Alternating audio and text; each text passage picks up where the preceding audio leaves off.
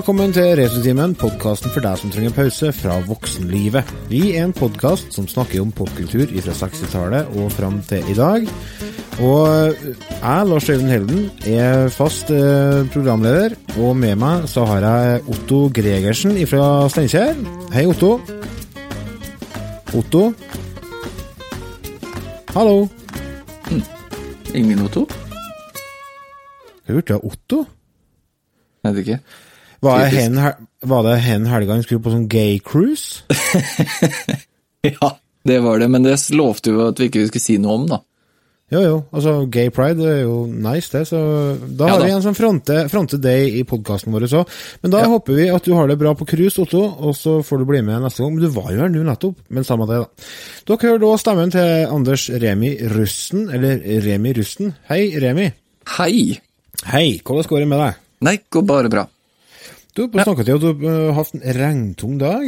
Jeg har hatt en regntung dag. Hvordan påvirker regnet deg nå når det er sommer? Nei Nei, jeg syns egentlig det er helt greit. Altså eh, Nå har du vi jo Nå har vi jo hatt Nå har vi hatt. Nå har vi hatt Nå har vi jo hatt eh, Jeg vet ikke, seks uker, eller? Med knallvær. Det har jo vært eh, ekstrem eh, brannfare, holdt jeg på å si. eh, Skogbrannfare. Ja. Eh, Det står jo skilter eh, overalt, så vi har egentlig vært litt nervøse. Vi bor jo midt i skogen. Ja. Eh, Nå har det jo hjulpet litt, de har kappa ned en hel haug med skog rundt huset her, men det er jo fortsatt mye store trær tett innpå. Så vi jo, blir jo litt nervøse. Det kan jo brått skje en skogbrann, og da, da er det skummelt å ha svære furutrær stående inntil huset. Eh, Så litt regn er egentlig bare bra, det setter jeg pris på, så vi får eh, dynka ned litt her, sånn så ikke skogbrannfaren er så stor. Men du, du bor jo nærme svenskegrensa. Mm. Ikke så langt unna, i hvert fall. Nei, steinkast unna. Ja, eh, hva eh, For du nevner jo at du bor inne i skogen, og da tenker jeg svenskehandel, flytter til skogen, smuglerrute Er jeg på rett spor, eller? Eh, nei, egentlig Hvorfor, ikke. hvorfor flytta du ut i skogen? Nei, jeg bor ikke ute i skogen. Jeg bor, eh, jeg bor fem minutter, eller ti minutter egentlig, fra sentrum. Så jeg bor ikke langt ute i skogen, men eh, det er ikke veldig langt ut av Halden sentrum du skal kjøre for å komme ut i skogen, da. Nei, det er kanskje ikke Norges største by. Det er ikke det. Det er, eh, det er noen minutter, og så er det skog overalt, så Det er koselig, da. Ja, veldig koselig. Vi trives godt her. Vi, vi kjøpte jo huset for åtte år siden, og da var det 30 meter høye gran- og furutrær rundt absolutt hele huset. Vi så ingenting. Oi. Eh, så var det litt sånn eh, Vi bodde her i en fem-seks år, og så begynte jeg å bli litt sånn lei. Jeg syntes det var litt trangt. Så jeg sa det til kona mi Lene, at eh, vi blir her noen år til til jentungen begynner på skolen, og så får vi se. Men det hadde vært fint hvis hun kunne kappe ned trærne, sier jeg. Eh, og så går det ikke mer enn kanskje en uke, så ringer Lene meg på jobben, så sier hun 'vet du hva', sier hun. Nei. Nei, nå er de her fra sånn skoghogstfirma eh, og merker trærne hvor de skal kappe ned, eh, så det ser ut som de skal kappe ned alt rundt huset vårt. Ja. Eh, og så spoler vi fram en måned, og så har vi da fått den panoramautsikten utover hele Idresletta her og sånt. nå. så nå skjønner vi hvorfor de bygde huset her for 40 år siden, for da var det jo ikke de trærne. Vi skal ta oss og hive oss over uh, denne spalten her, vi, som eh, vi har fast hver uke. Så jeg vurderer om jeg skal krysse inn pandaen. Det her blir jo ikke bra. Så Jeg ble kontakta av en bekjent, og han hadde 160-170 laserdiskplater. Hva heter det? Tvangsjakke eller tvangsgenser? Jeg husker ikke hva det heter. tvangstrøye. Tvangstrøye! Tvangsgenser. Hva har du gjort siden sist? Hva har du gjort siden sist, Remi? Det er jo bare, det er jo bare vi her i dag. Ja, det er bare deg og meg i dag, Lars. Det er hyggelig, det. Ja, ja. Eh, Den jingeren ler jeg alltid sånn av latteren din. Jeg sitter alltid sånn og humrer litt for meg sjøl, for det er latteren din som tar meg hver gang. Ja, det, hvordan kan jeg ikke flire av tvangsgenser? Altså, det, Jeg vet ikke. Jeg jeg vet ikke. fatter ikke. Det er sånn altså, For de, de gjør jo sånn narr av dere eh, Paradise Hotel-deltakerne, for de kommer med så rare uttrykk, for de har jo ikke helt kontroll på det språket. Nei, det har ikke jeg Men så, så begynner jeg å tenke, kanskje er det bare Det, det ligger kanskje bare i kløppen. For vi har noen sånne perler, vi òg, ja. Men de havner som regel på gulvet, da. Ja. Klippegulvet. ja. Men eh, det er noen som er for gode til å ha, ikke ta med. Noen må igjennom, dessverre. Mm. Ja, ja, dessverre så er det mitt, det meste. Mm. Nei, hva har jeg gjort siden sist? Vet du hva, jeg har eh, Jeg har eh, flydd gjennom hele Altså, jeg har tre brannvarsler i huset mitt, og det er Mhm. ikke veldig mange. Men den siste uka så har jeg hørt at den ene brannvarsleren den driver og piper, sånn som man gjør når man blir dårlig i batteri. Ikke sant? Ja, ja. ja. Ja. Og jeg hører han piper, og så Nei, fasen, nå må jeg finne ut hva det her er. Hvor er den hen? Og går rundt og lytter. Nei, slutter å pipe. Ok. Og så hører jeg det igjen på kvelden. Den, den piper! Kona mi, kona mi jobba natta her, eh, og så på morgenen så hadde hun gått og lagt seg. Det var på lørdagen eller søndagen eller sånn. Eh, og da la hun seg nede, for det var så varmt, så hun la seg nede for å sove. Og da tenkte jeg, nå piper den uh, jekeren igjen. Så da tenkte jeg, skal jeg snike meg inn nede, for da ligger jo stakkars hun der og hører på at den piper, og jeg sniker meg ned og, og drar ned den her uh, brannvarsleren, tar ut batteriene og sniker meg opp igjen. Og så Ja. piper det igjen. Og det, Selvfølgelig. og det piper, og det piper. Vet du hva? Jeg fant ikke ut hvor den pipinga kom fra. Til slutt så skjønte jeg at det var jo ikke brannvarsleren. Å nei, det var kunne ikke- mikrobølgeovn. Kunne, ja, det, kunne, det kunne ikke være brannvarsleren, og det var ikke noe, det var ikke noe eh, klokke som lå i noe skuff eller noen ting. Vet du hva det var for noe, Lars?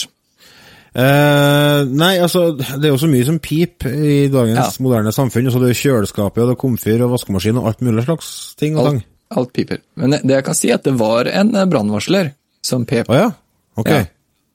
men ikke min. Naboen sin? Nei. En YouTube-video som jentungen syntes var utrolig kul å se på. Oh. Og hver gang hun satt og så på den her forbanna YouTube-videoen, så hørte jeg den pipinga. Da hun satt og så på YouTube og kosa seg, og jeg fløy rundt som en gærning i huset for å lete etter den jævla brannvarsleren. Ja, så bra. Så det er egentlig det jeg har gjort den siste uka, er å lete etter en brannvarsler jeg ikke har. Ja, så du, du har lett etter en brannvarsler som var på YouTube.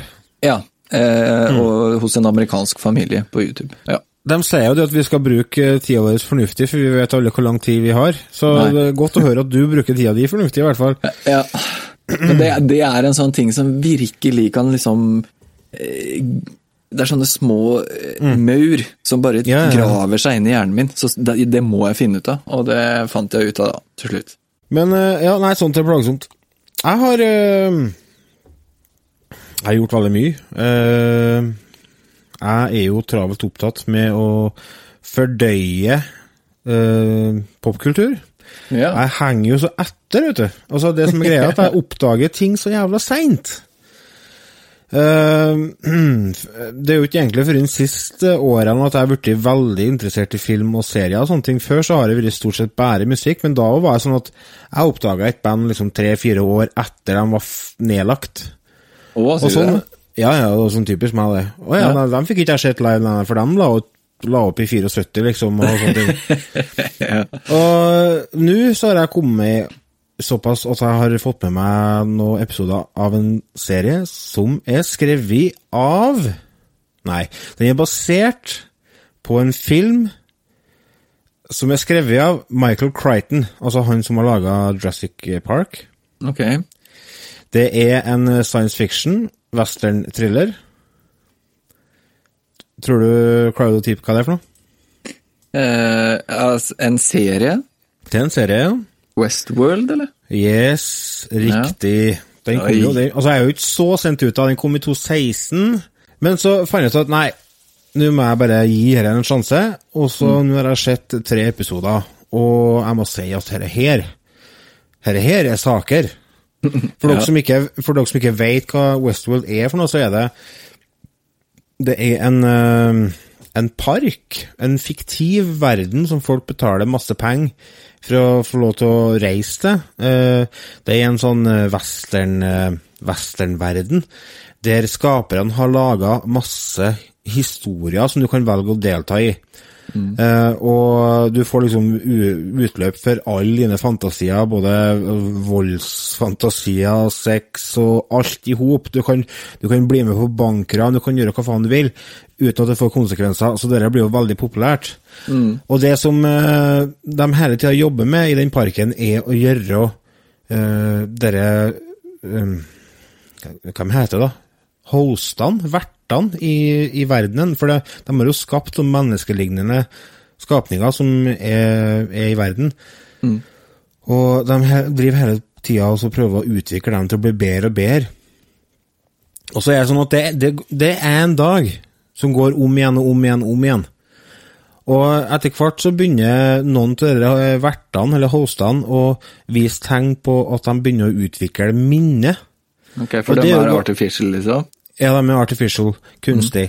Kunstig. Og tenk deg da, hvis du som eh, sånn kunstig vesen i en sånn verden, der du konstant blir utsatt for menneskets eh, innerste, mørkeste fantasier, plutselig skal du begynne å utvikle minne.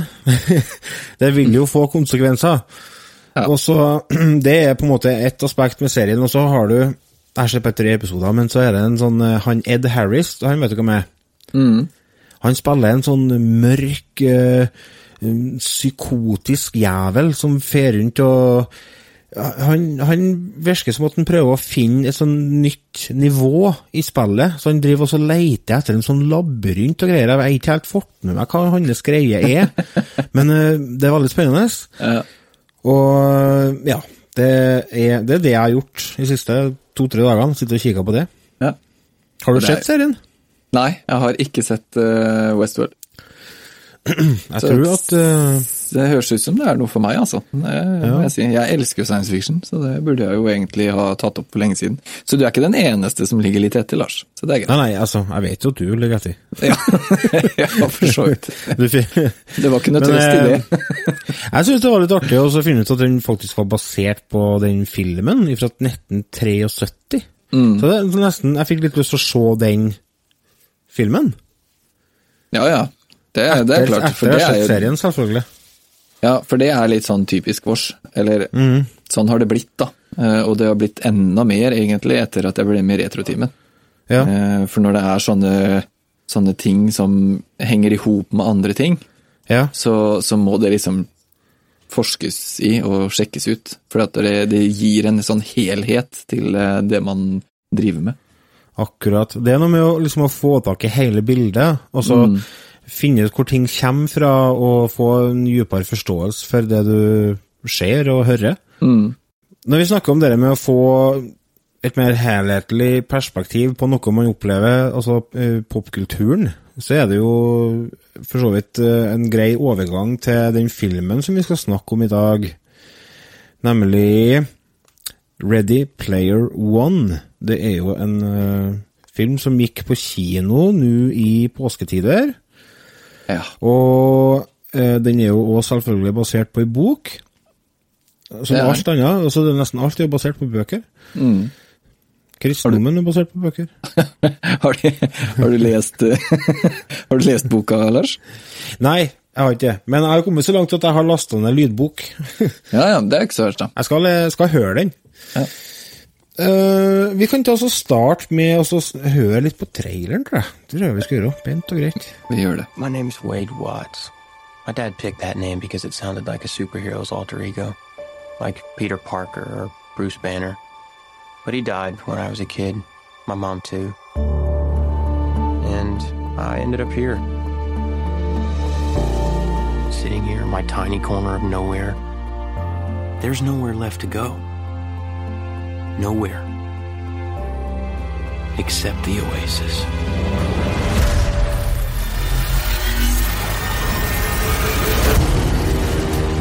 a whole virtual universe.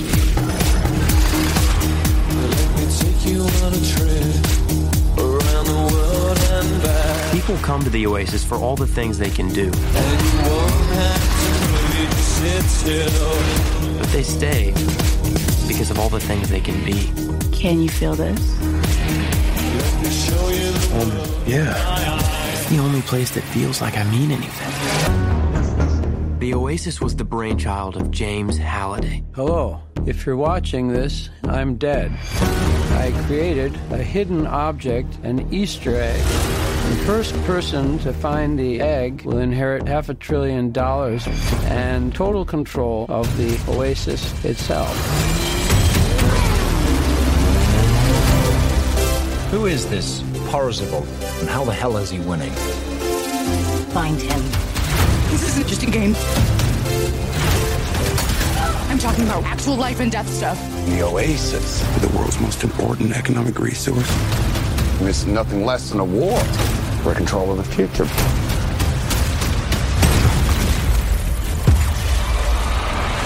Welcome to the rebellion, Wade.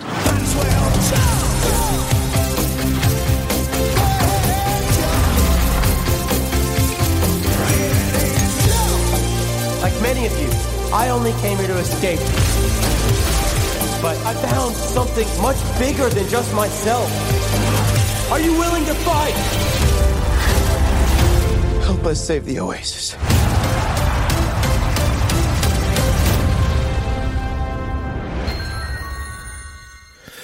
Og hva vi syns om denne filmen, det skal du få høre rett etter denne reklamepausen. Velkommen tilbake ifra reklamepausen. Før eh, pausen så tok vi oss og spilte av traileren, eller forf... Jeg kan jo kalle det forfilm? Jeg mener å komme på at vi kalte det før i tida. Forfilm? Ja Jo, for det var liksom Det var filmene som kom før i hovedfilmen. Ja. Men uansett, traileren til Ready Player One det har jo, Den gikk jo på kino i påska. Det er noen uh, uker siden vi har sett den nå, men uh, vi skal alltid klare å få jobba litt om filmen, vi. Det Her er skal vi en, klare. eh, Ja, her er jo en film som handler om Altså, for å summere opp handlinga i filmen, så er det en som har skapt et, et virtuelt univers som kalles for Oasis. Og så, når han dør, så har han uh, ordna en sånn uh, konkurranse der han utfordrer alle som uh, bruker å være i The Oasis, til å finne såkalte påskeegg, sånne easter eggs. Og den som klarer å finne Er det fem stykker? Tre er det vel. Tre, kanskje det. ja. Den får uh, rettighetene på The Oasis og hele hans formue, som er greit mye penger. Her er jo en eh, Her er jo en action eh, sci-fi-thriller. Uh, Vara i to timer og 20 minutter, og kom ut uh, i år. Ble produs produsert i 2017. Basert på ei bok som ingen av oss har lest. Det, ja. Jeg har Ja. boka, ikke lest. Nei, og det er jo bestandig populært når en film kommer ut som er basert på en bok, så er det populært å disse filmen fordi at man syns at boka er mye bedre. Ja, fordi at Å, nei. Jeg har jo lest boken, så Ja. la meg fortelle deg hvordan det egentlig skal være. Ja. Nei, du skal ikke det. Jeg driter i det, for jeg har sett filmen, og den er awesome. ja. Og det, altså, det er lett meg bare få lov til å så uh, gjøre én ting klart for dere alle ihop en gang for alle. Du kan ikke sammenligne bok og film. Nei. Uansett om filmen er basert på boka. Så, for det er to forskjellige kunstneriske uttrykk. Altså Det blir som å si det at du sammenligner et bilde og et foto, bare fordi at det er av samme person. Ja. Det er to forskjellige uttrykk, og det må det på en måte behandles som. Og det som man får plass til i bok, det får man ikke plass til på en film. Det man får plass til på lerretet, det får man ikke eh, på samme måten i ei bok. Og om én million mennesker leser én bok, så er det én million fantasier om hvordan den verden er. Ja. Ingen har Absolutt. det samme, eller samme tanken om hvordan en person ser ut, og hvordan ting ser ut i den verden de leser om. Og det, Det er, jeg- det er ofte det de blir skuffa da, når de ser filmen. For at «Ja, men det var jo ikke sånn i boka. Nei, men det var sånn i hodet ditt, men det, det her er ja, hodet til Steven Spielberg. Ja. Akkurat, akkurat det syns jeg er litt fascinerende, for jeg var jo veldig stor fan av Ringenes herre når jeg var ungdom, og uh, leste den mange ganger, og hadde jo selvfølgelig da gjort meg opp mine meninger om hvordan Frodo og Sam og alle de der så ut. Og så kom eh, filmene. Og det er helt feil. Men på mange måter så var det litt eh, rett. Det var ikke så ille, fordi at eh, filmens karakterer er basert på eh, sånn løst basert på illustrasjonene til han eh, ene fyren som har illustrert mye av Ringenes herre. Og det har jo jeg òg sett. Jeg har jo sett de bildene, jeg òg, sant? Og det har jo vært med å påvirke mine indre bilder av hvordan jeg trodde de så Ikke sant? Ja, da hjelper det jo fælt. Ja. Men eh, som sagt, Ready Player One. Vi, skal vi, ja, kan vi, kan vi starte en? Dette er jo en eh, såkalt eh, dystopisk eh, Et dystopisk verdensbilde. Det, jorda har jo mer mindre gått under. altså det, det er masse fattigdom og drit, og folk eh, søker tilflukt i den virtuelle verden som heter The Oasis. Ja. Der kan de jo være hvem de vil. Eh, noe de ikke kan være i den virkelige verden, da. For det, det er jo som du sier, bare mer eller mindre nesten gått under. De bor i sånne stacks, som de eh, kaller det. Sånne, ser ut som eh, Ja, altså, de er bare stabla sånne Hva heter det folk som bor i sånne Som brakker? Ja. Det er bare stabla som brakker oppå, oppå hverandre. Sånn stacks. Det bor de, da. Bortsett fra at det er campingvogner og gamle busser og alt Ja. sånt som er stakka. Så det ser egentlig ut som en sånn studentby inne i Oslo. det er trangt og fælt, da, men, eh, men eh, det ser ut som de eh, har det egentlig ganske ålreit da, allikevel. Ja, altså, mennesket tilpasser seg, vet du. Og så blir vi jo vant til det meste. Ja, ja det er noe med Så, og når du ikke veit bedre, så Men altså, det er jo en grunn til at de reiser til The Oasis, da. I 2040 så er han eh, James Anorak Halliday Han eh, annonserer den eh, konkurransen som vi snakka om etter han har dødd, da. Og så starter jo der, og vi følger vel en uh, unggutt som heter Wade Watts. Han er foreldreløs, 17-åring. Ja. Han bor sammen med tanta si, og uh, søker mye tilflukt inni herre uh, The Oasis, da. Og eh, ved et lite lykketreff og intens, eh, intense studier, så klarer han å finne den første, det første påskeegget. Fordi at det som han bruker å bruke mye tid på, er at han går til en sånn plass der han får se eh, en gjenskapelse av livet til han som har skapt The Oasis. Mm, det er liksom et mu... mu vi prøver igjen. Et, et museum. museum. ja. Et my. Det er et my, my, my, my. Sånn går det når man skal forte seg inn og hive Ja. seg inn i samtalen, så snubler man litt ofte. Ja, det er et sånt museum, ja, for han eh, James der. Og da finner han ut at For, å, for det første konkurransen, det er jo et sånt billøp. Ja, Et helt og sånn for et billøp. Ja, det er så rått, det billøpet der. Ja, og det det er på en måte første actionsekvensen i, i filmen. Så får du den liksom slengt i trynet med alle de referansene og alt i hop. Ja, fordi bilen, bare bilen han her eh, kjører, eh, i, eh, han hovedpersonen kjører, er jo en DeLorean. Ja. Eh, og for alle oss eh, som har sett eh, Tilbake til fremtiden, så er jo det tidsmaskinen i Tilbake til fremtiden, den DeLorean-bilen. Og han kjører den DeLorean-bilen fordi han kan bygge hvilken bil han vil, eller eh, det er jo sånn det er i The Oasis, der kan man velge hva man vil ha. Ja. Eh, og han er jo egentlig veldig glad i eh, 80-tallet. Mm. Så det er egentlig derfor han har valgt DeLorean-bilen han kjører i det racet, da. Det var jo for så vidt eh, enda et påskeegg på den eh, DeLorean-bilen, så du det?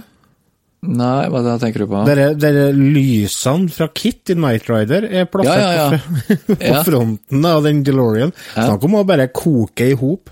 Koker i hop. Altså, jeg skal lese en kjempeliste med referanser bare sånn kjempekjapt etterpå, så får dere en idé av hvor mye 80-talls uh, referanser det er i den filmen her. Ja, for altså, det, det, det ligger jo ut eh, Jeg holdt på å sjekke litt på YouTube og sånne ting i forkant av episoden, og det, det ligger Det er jo gått sport i å Ja. ramse opp den der, så det er jo over Ja. 300 easter eggs. Det er så mye, det. Ja, det er helt sinnssykt. Mm. så Det er en hyllest til eh, gamle filmer, eh, gamle serier eh, Ja, alt mulig du kan tenke deg fra, fra 70-, 80- og 90-tallet, egentlig. Ja, alt, tror jeg. Al ja, ja, alt. Ja. Ja, altså alt fra Batmobilen på 60-tallet til Battletoads og Ferris Bueller og Michael Jackson og det, og det Lista er helt sinnssyk. Altså det Så det um. For at hvis en skal på en måte ta tak i sjøle filmen her litt, så blir jeg aldri helt gripet av sjøle historia. Det skal sies. Jeg syns ikke at eh, jeg blir ikke solgt øh, følelsesmessig. jeg gjorde ikke det jeg heller, men jeg har en liten teori på hvorfor, egentlig. Å ja, få høre. Fordi det var en sånn øh, Det var litt sånn overload med inntrykk når jeg Ja. så filmen. Eh, så jeg satt hele tiden og bare Oi, nei, der! Oi, oi se på det! Ja. Og, og der er eh, DeLorean, og der er eh, Super Mario, og der er Star Trek-referanser. Ikke sant? Hele tiden. Så jeg lurer på om jeg må se filmen flere ganger Ja. for å få liksom satt meg inn i storyen og få liksom hele historien og eh, At det kanskje er derfor, for det var så overveldende første gangen jeg så den. Ja, det, altså, det, er jo helt, er jo helt sinnssykt. Altså, bare i det billøpet så får du jo se eh, bilen fra den Christine-filmen, Stephen King-boka som ble til film, og så er det bilen fra A-Team, og så er det jo selvsagt eh, den DeLorean DeLoreanen fra Back to the Future, og så har du Batmobilen, og så har du King Kong oppi det løpet, og det er så helt sinnssykt mye hele tida. Det Det, det er en sånn eh, fyrverkeri for eh, sansene. Altså, Ja. Og visuelt sett så er jo filmen helt fantastisk, og lydmessig, ikke minst.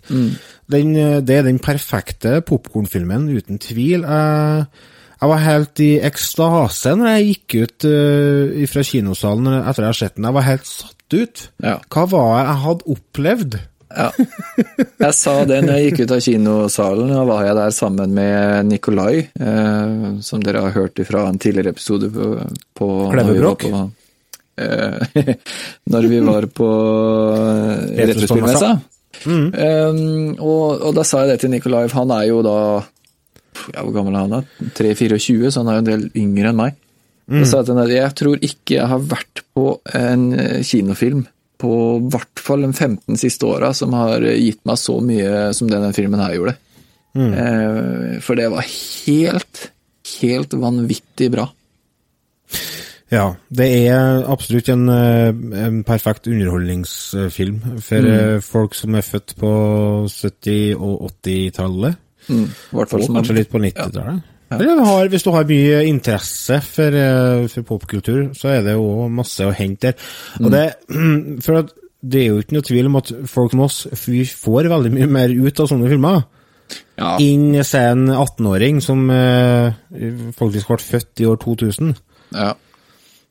Eh, For du vet bare Donkey Kong, altså, eller King Kong, da, eh, som var Altså, vet jo hvem King Kong er, men jeg vet ikke om en er kanskje litt stygt å si, men jeg vet ikke om det er like eh, kjent, eller hva jeg skal kalle det, som det Nei, det er altså- for oss, da.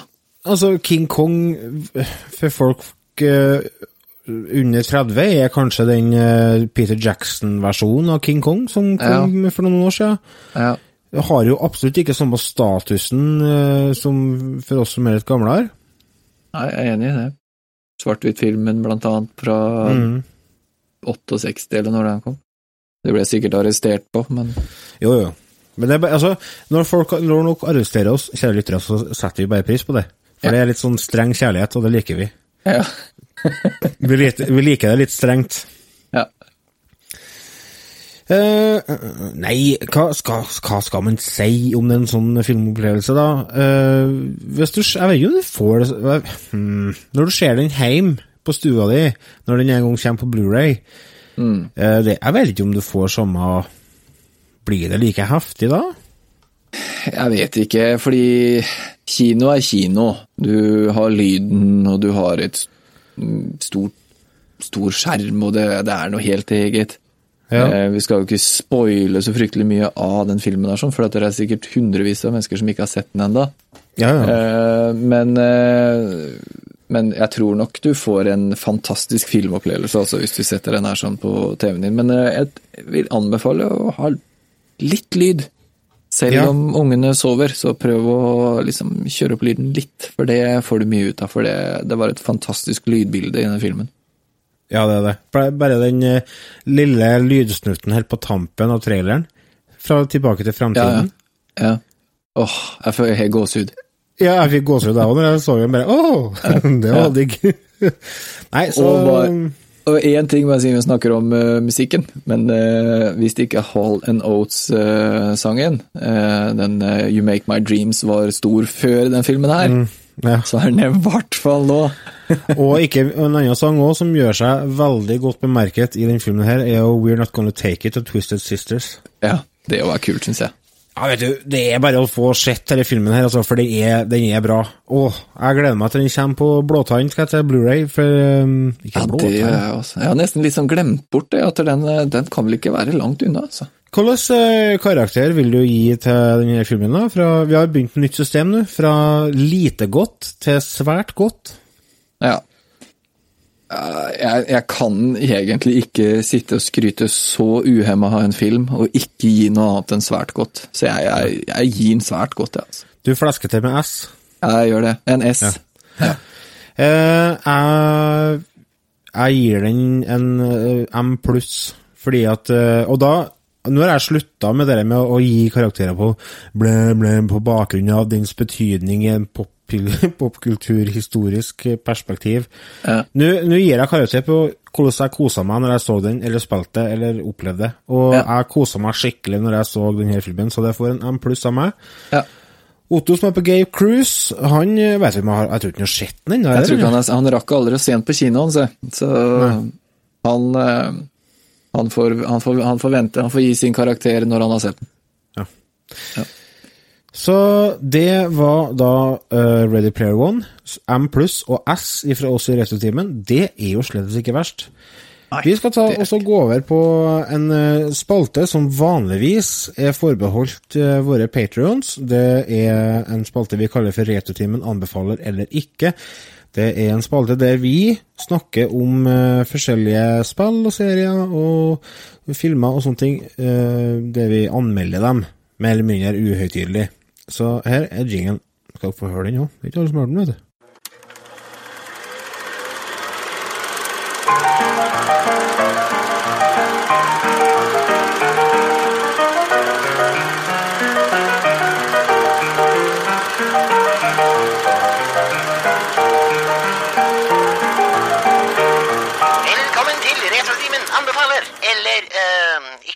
I 1982 så kom det ei datamaskin som eh, rocka verden min, i hvert fall. Ikke i 1982, men jeg fikk den sikkert i 1986. Det tror jeg jeg gjorde. Den har 64 kilobyte med ram. Den har fargegrafikk og syntisert lyd. Ja. Det er så vanvittig. Ja, det er vanvittig. Ja. Vi snakker om brødboksen. Det gjør vi. Commodore 64, eller Kommandore, som mange sa i Norge. Har Ja. Kommandore? Hva er det talefeilen det kom ifra, tror du? Ja, Det skjønner ikke jeg heller, og det er veldig mange som sier det enda. Ja, det måtte være, det måtte være for dere søringene, det. Kommandoren tror jeg er litt skyldig der, egentlig, fra Emil i Lønneberget. Kommandoren, ja. Kommandoren. Det er, svin, det er svinmær. Ja, det er skikkelig svinmær. Nei da, men eh, skal vi se. Det her er jo da Vi snakker om eh, Commodore 64, og det har jo kommet en miniutgave av den òg. Alt kommer i miniutgave for tida. Ja, og vi jo ble jo superduperglade med en gang, Lars. Vi fikk høre det. Ja, selvfølgelig. Vi er jo Commodore-fanboys. Ja, vi er jo det. Vi, er, vi, vi har jo vokst opp med begge to. Og, men det er jo ikke å, å skyve under en stol at det å drive og laste inn spill på kassett i 2018, det tar litt tid, det er litt knotete. Ja. Ja. Kassett, hva er det? ja, sant, kassett, ja. Hva er det? Hva er en kassett? Ja.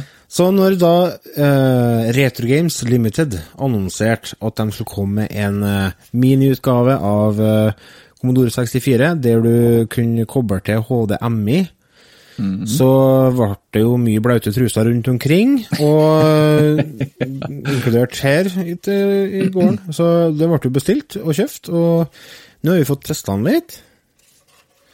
Ja. Commodore, det er jo en kom- mini-Commodore med to USB-porter, en HDMI og en sånn eh, eh, Den tar strøm fra en sånn mobilledning. Sånn vanlig sånn Er det USB-C det heter? Ja, det må ikke spørre meg. Det, blir for nytt for meg. Men det er sånn USB-kabel som du lader telefonen din med. Sitter og holder inn, altså minikommodoren her i handa, og den, eh, den er akkurat like stor som håndflata mi. Mm. Litt, litt mindre, faktisk. Ja, det som er med de her minimaskinene, er at de er fryktelig søte, egentlig. Ja, ja, sant. Så, så er det sånn at uh, uansett hvor strengt sett du er hjemme, så får du lov til å sette det fram med TV-en, for det er så søtt å se på. Ja, ja det er akkurat det. Se på den Så- søte her, da. Kan ikke jeg være så snill å ha den her? Ja. Nei! Og det, her, er- den har jo 720p oppløsning via, via HDMI, og det er 4-3 ratio, eh, altså skjermoppløsninga. Mm. Nei, jeg heter skjermoppløsning. Jo, 4-3, ikke 16-9. Ja. Ja, og så er det CRT-filter du kan slå på, sånn at eh, du får sånn dust, sånn uh, dust bilde, sånn som det var på kast-TV-ene på 80- og 90-tallet, og faktisk litt inn på 2000-tallet. Eh, og så har du Commodore 64, altså den basic. Du kan bruke eh, basic. Kan kode? dere-. Ja, du kan kode. For dere som ikke vet hva basic er, så det er et sånn programmeringsspråk som eh, ble brukt i Commodore 64. Og vi som vokste opp med Commodore 64, vi har jo drevet og programmert Ja. litt i basic. For det var jo med, vi fikk jo med sånn instruksjonsbok når vi kjøpte den Commodoren. ja. Har du lest den instruksjonsboka, eller? Jeg har kjøpt den på nytt igjen, så jeg har den. Ja. Jeg har en, jeg òg, og det Jeg husker jo eh, Altså, det var et sånt veiskille der. Ja. Eh, mine kompiser, noen av dem i hvert fall, eh, begynte med å kode, for det var kult. ja. Og så er det sånn som meg, som ikke skjønte en dritt, og loada spill og spilla, for det var det jeg syntes var kult. Ja. Så det var noen som liksom gikk den ene veien, og så var det noen som gikk andre veien. Og det var det å kopiere spill og, og få så mye spill som mulig, var vel egentlig det som var kult. Faren eh, og mora kjøpte denne julegaven som jeg har brukt, eh, og da fikk jeg jo med selvfølgelig en pose med kassetter og ei ja. det- notisbok med Ja. liste over alle spillene, og det var godt over 700 spill, og sikkert fem av dem var originale, og resten var kopiert. Ja, ja, ja, sånn var det jo med alt, og så var det sånn uh, turbotape. Ja, ja, sant. Eh, mm. Det som var det stole Stole? Det som var det stole salgspunktet Det som gjorde at jeg ble veldig gira når jeg så at denne ble annonsert, var det at du kunne legge til egne spill. Ja, det var kult.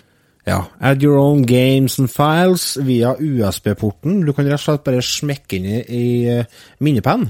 Ja. Eh, og da eh, Da ble jo jeg enda mer skjelt. Så det var jo noe av det første jeg gjorde. For den lista med spill hva, For det er jo med 64 spill på maskina i utgangspunktet. Hva, hva vi syns om den lista? Jeg er litt sånn delt, for det er jo altså For det første så er det jo fryktelig mye jeg aldri har hørt om. Mm, ja, det er jo det. Og eh, Men så er det jo noe her som ikke er så halvgærlig, da. Men det er vel kanskje mer sånn eh, nostalgimessig. California Games er jo veldig bra. Og så har du vel eh, Winter Games. Eh, Ja, det og også syns jeg var veldig bra. Impossible Mission 1 og 2. Impossible Mission, ja. Men eh, så Boulder kommer det ting som Nebulus, aldri hørt om. Ja. Ranarama? Det er litt sånn rare spill inni her. Mm. Så lista er vel ikke Altså, hvis man søker eh, Great Commodore 64 Games på Google, Mm. så er det ikke de her som dukker opp. Nei, eh, det var en sånn Ja, kanskje 15 spill jeg hadde spilt før maskina, eller før jeg kjøpte denne maskina. Ja. Blant annet også School Days spilte jeg mye, Pitstop 2 spilte jeg mye, Mm. uh, Who Dares Wins var 2, Winter Games, World Games, bla, bla, bla. Mm. Eh, Monty on the Run, Monty Mole det, altså det, er en, det er gode spill her, men det er òg mye rart, ja. Ja, Men det det, som Vi snakka om det litt tidligere i en episode, og da kom vi frem til det. Altså, det er jo kommet ut over 10 000 spill til denne her maskina. Så det skal veldig mye til for å treffe med 64 spill, altså en en liste på 64 spill som eh, på en måte fenger alle. Mm. Og derfor er det så genialt at de har åpna opp for å legge til egne spill. Eh, og det har vi jo for så vidt eh, Jeg har i hvert fall prøvd det. Jeg vet ikke om du har prøvd det, Remi? Nei, jeg har ikke prøvd det. Du, jeg vet du har forsøkt. Ja, jeg, jeg har gjort det. Mm. Mm. Og det, det er en enkel prosess, det. Uh, Du bruker et program som uh, du bare legger inn på så bildefiler til disketten. Ja. Og så bare fører du over på USB-penna. Ja. Og så putter du bare USB-penna inn i maskinen, og så dukker den opp. Nei, du må Nei. gå inn på Da må du gå inn i Er det Alleycat, tror du? Du må åpne det spillet, og så må du slå deg av med en gang, og så må du gå til basic, og så må du load eh, kolon stjerne kolon komma åtte, okay. eller hva det er for noe. Ja, ok. For da får du opp den eh, lista over, eh, som er på den disketten, da. Skjønner. skjønner. Så, og det har jo, det har jo Det er jo et eget eh, sånn miljø rundt eh, den Mini 64-en, nå, der folk driver og komponerer sånne disketter med masse gode spill, og eh, det er sånn de har funnet en sånn eh, lur løsning på For det finnes flere forskjellige diskettformat til den Commodore 64-en, og den mest vanlige, den, den tar ikke så mange spill. Men det er, jeg tror det er noe som heter D82-disker, som gjør at du får plass til mange, mange flere spill. Okay. Uh, og hvis du først hvis du komponerer en sånn D82-disk inni Altså, det er garantert noen som har reservert, for jeg husker ikke om det var D81 eller D64 eller D82. Men sånn uh, Kembo-disk, da. Hvis du komponerer det i det programmet, og så renamer du fila, så at du får altså, eh, file-extension til det som den Mini 64-en støtter, så klarer den å loade inn sånne kjempedisker. Ah. Da får, du- da får du masse spill på én disk, altså. Ja. Og, men du får kun en diskett på ei USB-penn. Okay. Det er litt sånn barlig. Men de har sagt til dem som eh, Altså, eh, hva de heter Limited Games Nei, Retro Games Limited har annonsert det at eh, de skal oppdatere firmwaren, sånn at du får lov til å legge flere disketter på per USB-penn. USB Ja. og da er jo Da Da kan du jo ha flere tusen, flere tusen spill på ei minipenn, sant? Ja, fantastisk. For det er jo litt av greia her, da. Er jo eh, Man vil jo gjerne spille de spillene man ikke spilte. eh, Ja. Altså, det er ikke bare Det er 64 spill, men det er jo Det er ikke veldig mye bra der. eh, så man vil jo kunne laste inn noe av det man husker fra man var eh, ung, og som kanskje man har lest om, eller eh, sett på YouTube, eller alt mulig sånt. Og hvis du er litt sånn Commodore 64- eller Commodore-fanboy, da, og husker det fra du er liten, så, så er det egentlig en, en uh, fin maskin. Og så, hvis det er enkelt å legge inn spill og sånn som du sier, Lars, så er det jo ikke noe grunn til å ikke gå for den. Nei, det syns jeg ikke. Altså, et drawback eh, med denne maskina er joysticken, dessverre. Joysticken er ikke noe mye å skrive hjem om. Den er bare sånn passelig ok. Ja. Og det er egentlig synd, for det er ikke vanskelig å lage en, eh, en god joystick. Nei, Eller i hvert fall en bruk av den. Jeg tror de har eh, valgt å spare inn litt penger akkurat der. Den vanlige mannen i gata, eller vanlige dama i gata, den eh, som på en måte hadde Commodore 64 som unge og ikke har spilt til sida, vil få veldig mye utbytte av den joysticken som er. Det er bare vi som er litt ekstra kresen på det, som kanskje Ja, Ja. det er et eh, godt poeng. Jeg jobber sammen med eh, to stykker, og de har fire barn. Eh, og de spurte meg hva skal vi kjøpe. Eh, altså spillmaskiner og sånt noe er dyrt. Hvis du skal kjøpe en, eh, en Switch eller en PlayStation 4, så er det mange tusen. Det er ikke alle familier og alle som har råd til det. Eh, så, men da er egentlig de minimaskinene her et godt alternativ, altså. Absolutt. Absolutt. Snes Mini, Nes Mini, altså du har jo Atari Mini og alle mulige slag, du har nå Commodore 64. Så jeg anbefalte dem eh, å gå for det, for sånn som Snes Mini kan du også legge inn eh, dine egne spill på. Eller flere spill, da. Ja, det er jo egentlig ikke lov, det, da. Men eh, Ikke lov, men eh, jeg sier du kan gjøre det. ja, du kan, du kan gjøre det. ja. Og flestene gjør det, for det Ja. er så enkelt. Altså, det er bare å, å koble en Ja, nei, jeg skal ikke si hvordan du skal gjøre det, for det, vi er på radio, så det er ikke lov. Det, det Men får det du finne ut sjøl. Men altså, poenget mitt da, er at de minimaskinene de er billige, og du Mm. får mye, mye morsomt ut av dem også. Det vil jeg si. Ja. Absolutt. Uh, skal vi ta altså henne Jeg vil anbefale den her. Jeg anbefaler den helt klart. Ja. Og du får den i Jeg tror jeg har sett den helt ned til 600 kroner, faktisk.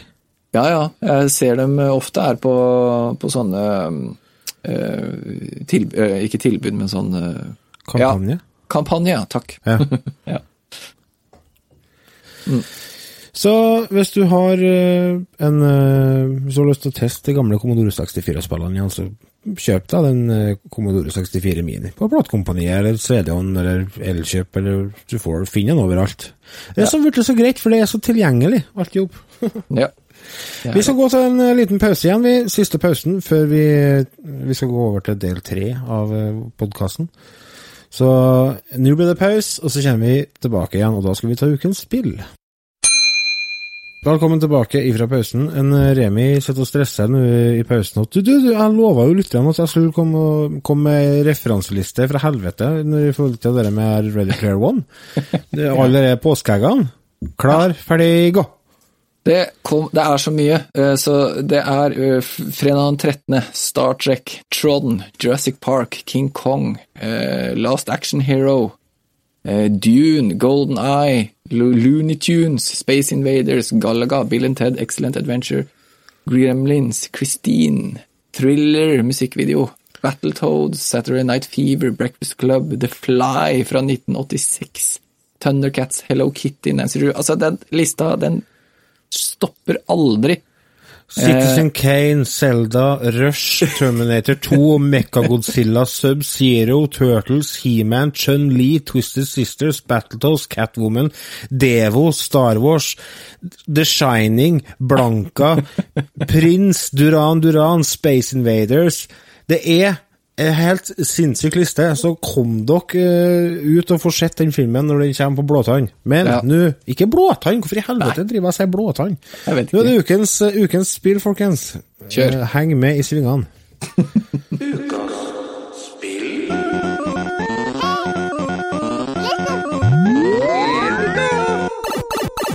Heng med i svingene, ja, det husker jeg var på 80-tallet. Så var det en sånn, sånn ikke kjør i fylla-sang oppe i Trøndelag.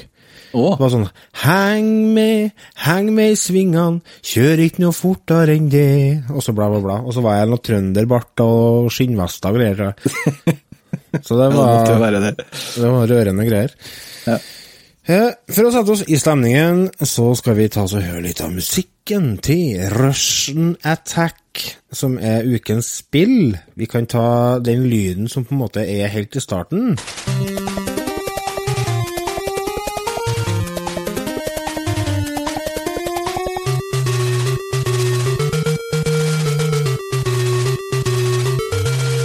Rush and Attack heter det egentlig. Mm. Utvikla av Konami. Konami. Konami. Konami kom ut i ja, skal vi se 85. Det var det, var det, det til NES, eller var det den uh, Green Beret uh, arkademaskina? Ja, det var vel Green Beret Nei, nå blir jeg litt usikker, egentlig. Nei. Eh, ja, kom Arkaden og Nintendo, eller Nesen samtidig? Jeg tror. At han ble Jeg porta ganske kjapt. Nei, jeg, jeg, tror ikke at, jeg tror ikke at det kom allerede i 1985 til NES, tror du da? Nei, nå ble jeg usikker. Det her blir... ja. Ja, samme. Sam, samme det. Tisch, det er jo Tisch, Tosh. Jeg tror det kommer til 87, jeg. Ja.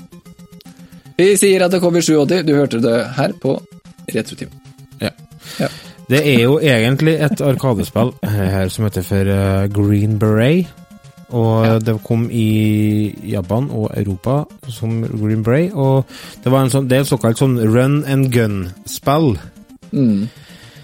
Eh, når de fant ut at de skulle porte dette til NES, så fant de ut at dette her er litt for vanskelig. Vi er nødt til å gjøre om litt på spillet. Eh, så de eh, satte ned vanskelighetsgraden, og så la de vel til et brett eller to. Og så kalte de det for Russian Attack. Og det er jo da et eh, lite ordspill, da. Altså Mm. Russian, Russian Attack. Og det var som jeg sa til Remi, det er litt artig, for spillet her har gått full sirkel. For eh, på 80-tallet så var jo russerne bad guys. Det var jo Ja, ja. dem som var fiendene. Ja, ja. Det var jo sant, midt under den kalde Eller helt på slutten av den kalde krigen, og, og nå er vi tilbake dit igjen! Russerne er jo blitt jævlene igjen. Og så, så, så det føltes helt rett å få å drepe russere i det spillet her. ja. Uff a meg. Ja. Det er godt, jeg syns det er godt å ha en definert fiende. ja, det er greit å vite hva du slåss mot, på en måte. Ja, ja sant. Ja. For dette her, det er jo et spill der du eh, Ja, du får å sprenge og skjøte, eller du får mest med kniv. ja. Du driver og, det- kniver folk. Ja, for du begynner jo, begynner jo med en kniv. Ja. Eh, og det var jo litt sånn eh, jeg, For jeg fikk det spillet her når jeg var liten, husker jeg. Eh, og jeg husker vi satt i stua og, og dytta det her inn i nesen og starta det opp og sånn, og du løper, begynner jo med han som løper bortover med en kniv, da. Og fiendene kommer jo løpende mot deg, litt forskjellige menn. Eh, og du kniver dem, knivstikker dem ned, og jeg husker at mamma reagerte på det. Hva er det her for noe? Hva er det du sitter og spiller? Nei, slapp av, liksom. Det er jo det er jo ikke noe farlig. Bare, jeg må jo overleve, liksom. Ja, sant. Du gjør jo for landets beste. Altså for at Ja. eh, Det som er målet her, er jo at du skal ødelegge et sånn hemmelig våpen som Ja. eh, holder på å bli utvikla i fiendens hovedkvarter. Mm. Og du har- starter med kniv, og det er jo Dette var ett Jeg tror jeg hadde tre spill Eller hadde jeg bare to? Jeg tror jeg hadde, ja, Kanskje jeg hadde Super Mario Duck Hunt-komboen, og så hadde jeg det her i tillegg. Mm. Så dette var av de spillene som jeg hadde når jeg vokste opp. Og jeg husker når jeg drev og spilte at jeg bare kniv? Det er så lame, men bare Ja. kniv. Men så får du jo sånne eh, ekstravåpen utover. Du får blant annet en bazooka, men da får du bare tre kuler, liksom. Ja. Så- altså, det er helt håpløst. Ja, så det er liksom det er Du må lære deg å bruke kniven, for å si det sånn. For de våpnene du får, dem må du spare til, til som regel til bossene på slutten av eh, Eller bossekvensene, for å kalle det det. da. På slutten av hvert brettet. Er det fire eller fem brett, tror du? Fem brett pluss uh, den Den hemmelige leiren? Ja. Ja. Og Det- eh, Der trenger du den våpna du, du kan Mm. få, for å si det sånn. Og det er ikke sånn at hvis du først finner en bazooka med tre kuler, og så finner du enda en bazooka med tre kuler, så har du seks. Nei, nei. Da har Nei. du fortsatt tre. Ja. For da har du tydeligvis valgt å bare kaste fra deg den bazookaen du allerede har funnet, og så plukke opp den nye ja. Det er et spill som ikke er så enkelt. Det kommer hele tida mye fiender, og største utfordringa med spillet er hoppinga, fordi at hoppinga er eh, ruta til oppover-knappen Ja. på D-paden. Ruta til. Jeg skjønner ikke Det er noen som, som gjorde det der. Eh, og, og på Arkaden til og med, så må jo det ha vært utro... Altså, der var det vel kanskje en knapp. Det er ikke sikkert de hadde oppover på Arkaden, det vet jeg faktisk ikke. Men det var jo Det er utrolig klønete å gjøre Det det. er det. Det er så dumt gjort. Det, men det, det kan hende henge Altså, det er en gammel vane. fordi at vanligvis så hadde jo bare en joystick med én knapp. Ja, På Commodore det kan være 64 for eksempel, så hadde du bare én knapp. Mm. At, det, at det var noe sånt. Men eh, det resulterer i veldig mye sånn unødvendige feil, da. Altså fordi at det er så følsomt. Mm. Så hvis du for eksempel for å sprenge da bortover mot høyre, som man ofte gjør i nettspill, Mm. så kommer det en fiende bak deg, og de går litt fortere enn deg, så de kommer hele tida og tar inn på deg. Ja. Men så kommer det en fiende mot deg òg, og så finner du ut Nei, jeg må fort meg snu meg, og så stikker han i trynet, og så skal jeg snu meg tilbake igjen, og så stikker han andre i fjeset. Men det som skjer da, er at du plutselig Nei, så hopper du baklengs. Ja. Eller hopper over, så lander du oppå trynfjøla til han fyren i stedet for å stikke han i trynet, liksom. Og da dør du. Og så dør du, ja, for du, du har ikke energi eller noe sånt. Nei, nei. Det, det, One hit, one kill. ja. Ja. Så det er utfordringa. For i utgangspunktet så tror jeg at spillet er kjempevanskelig.